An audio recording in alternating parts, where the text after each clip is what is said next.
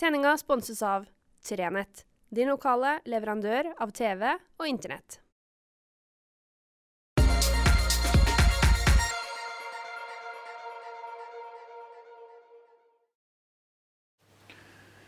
Riktig god fredag. Ja, for det må jo ikke være strålende vær for at det skal være god fredag. Eh, Det er litt sånn Det er nesten litt sånn vår-ish, eh, som ungdommen sier. Eh, Plussgrader og regn og is og sørpe og Ja, ikke all verdens å skryte av. Men for all del, da, jo, eh, da kan vi jo være gode på å være inne. Eller så kan man jo gjøre som floskelen sier, og gå ut, for det fins jo da ikke dårlig vær, bare dårlige klær. Jeg tror jo for så vidt at det kommer til et punkt der selv klær må gi tapt for vær. Eh, men det, det er en helt annen fredagsprat enn den jeg hadde tenkt å ta i dag. Jeg, jeg er jo, Etter hvert har jeg innsett såpass gammel. Når jeg ser meg i speilet, så får jeg noen hint om at jeg begynner å få noen år på hekken. Men jeg er jo såpass, såpass gammel at jeg kan huske at far min snakka om at han hadde spist breiflabb for første gang. Eh, han hadde spist mat som, som han ikke anså som annet enn agn noen år tilbake før. Og, og denne endringa den skjedde eh, fordi det kom opp en, en utlending til, til Tromsø. Og starta Brankos bl.a. Og, og begynte å lage mat ut av det man, vi kalte for ufisk. Og så kom det hefter og, og matoppskrifter på ting som man vel knapt hadde tenkt på at man skulle gjøre noe annet med når man fikk på kroken enn å enten skjære det opp i agn eller å kyle det tilbake. Nemlig altså, ja, breiflabb og, og steinbit og en del sånne ting som, som ikke akkurat var hverdagskost på nordnorske bord. Og, og det er det jo for så vidt ikke i dag heller. Det er ikke så mange som stikker i butikken for å kjøpe seg en breiflabb liksom, for å ha til middag på en tirsdag. Men, men som en helgemiddag, som en litt sånn spesiell kuriositet, så skal det visstnok være usteikelig godt. Eh, og sånn er det jo. Sånn, sånn skjer matvarene våre. Sånn, sånn endres matvanene over tid. Eh, jeg mener, jeg vokste opp på, på fisk og potetes. Eh, For alle vet at eh, fisk og potetes kan ikke etes uten potetes. Eh, Og det var fisk i alle varianter. Og det var relativt, og nå får foreldrene mine ha meg unnskyldt, men ihjelkokte grønnsaker. For man skulle jo koke grønnsaker til de var godt mør. Og poteten glemte man av og til, så var nå den også godt mør. Og fisken var god. Sånn men, men så endra ting seg. Så begynte det å komme ting som pizza og pasta. Og, og poteten ble etter hvert bytta ut med, med ris. Og vi fikk noe av mer enn bare brunsaus og hvitsaus. Vi fikk jo ja, posesauser fra Toro, selvfølgelig. Og, og det her er altså ikke lenger unna enn at en mann som snart fyller 50, kan minnes hvordan ting har endra seg. Og ute i Råtsund, og nå kommer jeg til poenget mitt i dag, for det lå der og lurte, ute i Råtsund driver altså han Arne Samuelsen og, og, og gror tare. Fordi han tror at det her kan bli eh, i mat. Og det tror jeg han Arne har helt rett i. Eh, vi som av og til nyter sushi, har jo spist tang og tare.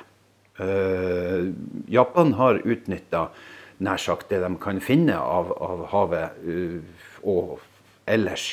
Eh, og jeg tror at vi nordmenn kommer etter. Jeg tror vi etter hvert forstår at vi må høste. Og så får vi jo da inderlig håpe at vi klarer å høste på en sånn måte at det blir bærekraftig og bra. Vi har jo en tendens, vi mennesker, da, til når vi først begynner å høste på noe, at vi går litt amok i starten. Uh, I dag vet vi heldigvis betydelig mye mer enn hva man visste for noen år tilbake. Uh, for noen år siden, så, eller for noen hundre år siden kan vi vel si, så jakta vi tomt det vi kunne finne. Vi holdt på å tømme hele Sørishavet for hval. Man fjerna det som var av bison og bøffel i Amerika. Ja, dere skjønner hva jeg vil. Det skal godt gjøres, tror jeg, å, å høste ned tanga.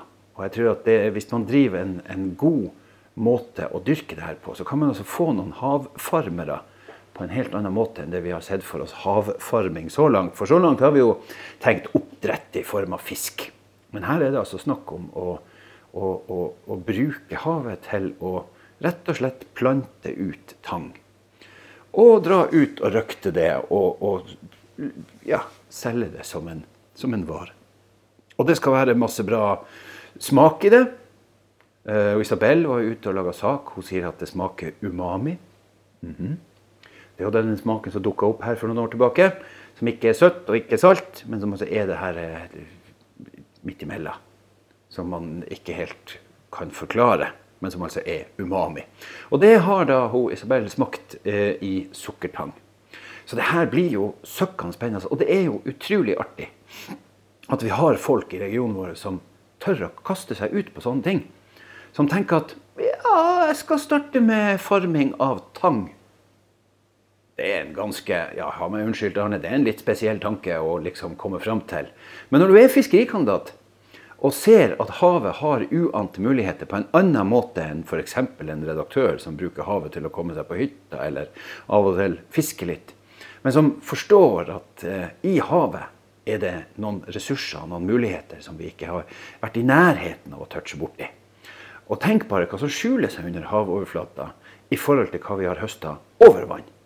Jeg tror at det ligger enorme muligheter, og det ligger så mye næring i havet som vi kan hente ut hvis vi bare tør. Hvis vi bare tør å, å, å tenke nye tanker, tør å si det at nei, det der kan være noe mer enn bare agn.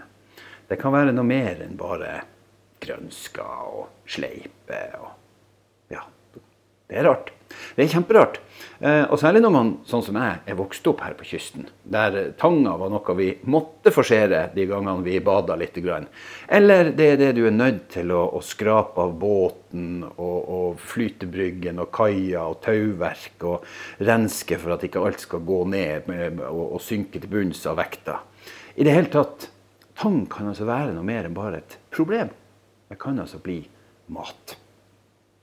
Akkurat sånn som steinbit. Kunne det bli noe mer enn bare noe som beit seg ettertrykkelig fast i alt den kom over? Det kan altså bli den nydeligste fileten og smake helt fantastisk. Men da må man våge å prøve. Det er litt sånn som, sånn som ungene som setter seg til bords og får sjøen foran seg en asjett med fisk og sier 'nei, liker ikke'. Har du prøvd? Nei. Hvordan kan du da vite at du liker det? Det er jo det vi sier, vi voksne, når vi skal prøve å få ungene våre til å spise noe aldri prøvd, de aldri har prøvd. Og Det må vi kanskje gå i gang med sjøl. Og der er mange ting. Der er mange ting som det skurrer litt hos meg når det kommer til prøving. Jeg tenker litt sånn på insekter og andre greier. Eh, blir, der er jeg veldig spent. Men hvem vet? Vi blir stadig flere mennesker, og vi er nødt til å høste proteinene våre kanskje på andre måter enn å skulle ale opp svære krøtter. Eh, med alle de utfordringene som det faktisk også gir. Og så er det ikke sånn, eh, og det vil jeg bare skyte inn til slutt, at jeg med det sier at vi skal skjemmes over bønder. Det skal jeg ta en annen gang. Det er ikke sånn at om vi mener at vi må endre på noe, så mener vi at dem som driver med det, er noen fjompenisser. Sånn som man av og til kan eh, nærmest tolke det. Når noen kritiserer oljebransjen, så skal det plutselig gjøres til et poeng at vi ikke liker folk og ikke er stolt av oljearbeiderne våre ikke sånn det funker. Men eh, det blir en annen prat en annen gang. Hvis dere skal ut og gå, så tror jeg kanskje brodder kan være lurt. I småveiene på Skjervøy er det is. De har nå vært ute og strødd, heldigvis. Men uh, steikeværet det er glatt ved siden av og rundt omkring. Uh, jeg leste en eller annen plass, jeg tror kanskje det var en meteorolog i, i Tromsø som, som, uttalte at han hoppa, han hoppa legevakta var på aletten, for det kom til å komme en og annen inn med en, en, en forslått eller forbrøtten kroppsdel. Så får vi håpe at det er færrest mulig. Ønsker dere ei herlig, herlig strålende helg. Og så er det noe sånn at uh, sent på kveldene så er det mørkt. Så husk nå enda å bruke refleks. Vi høres igjen.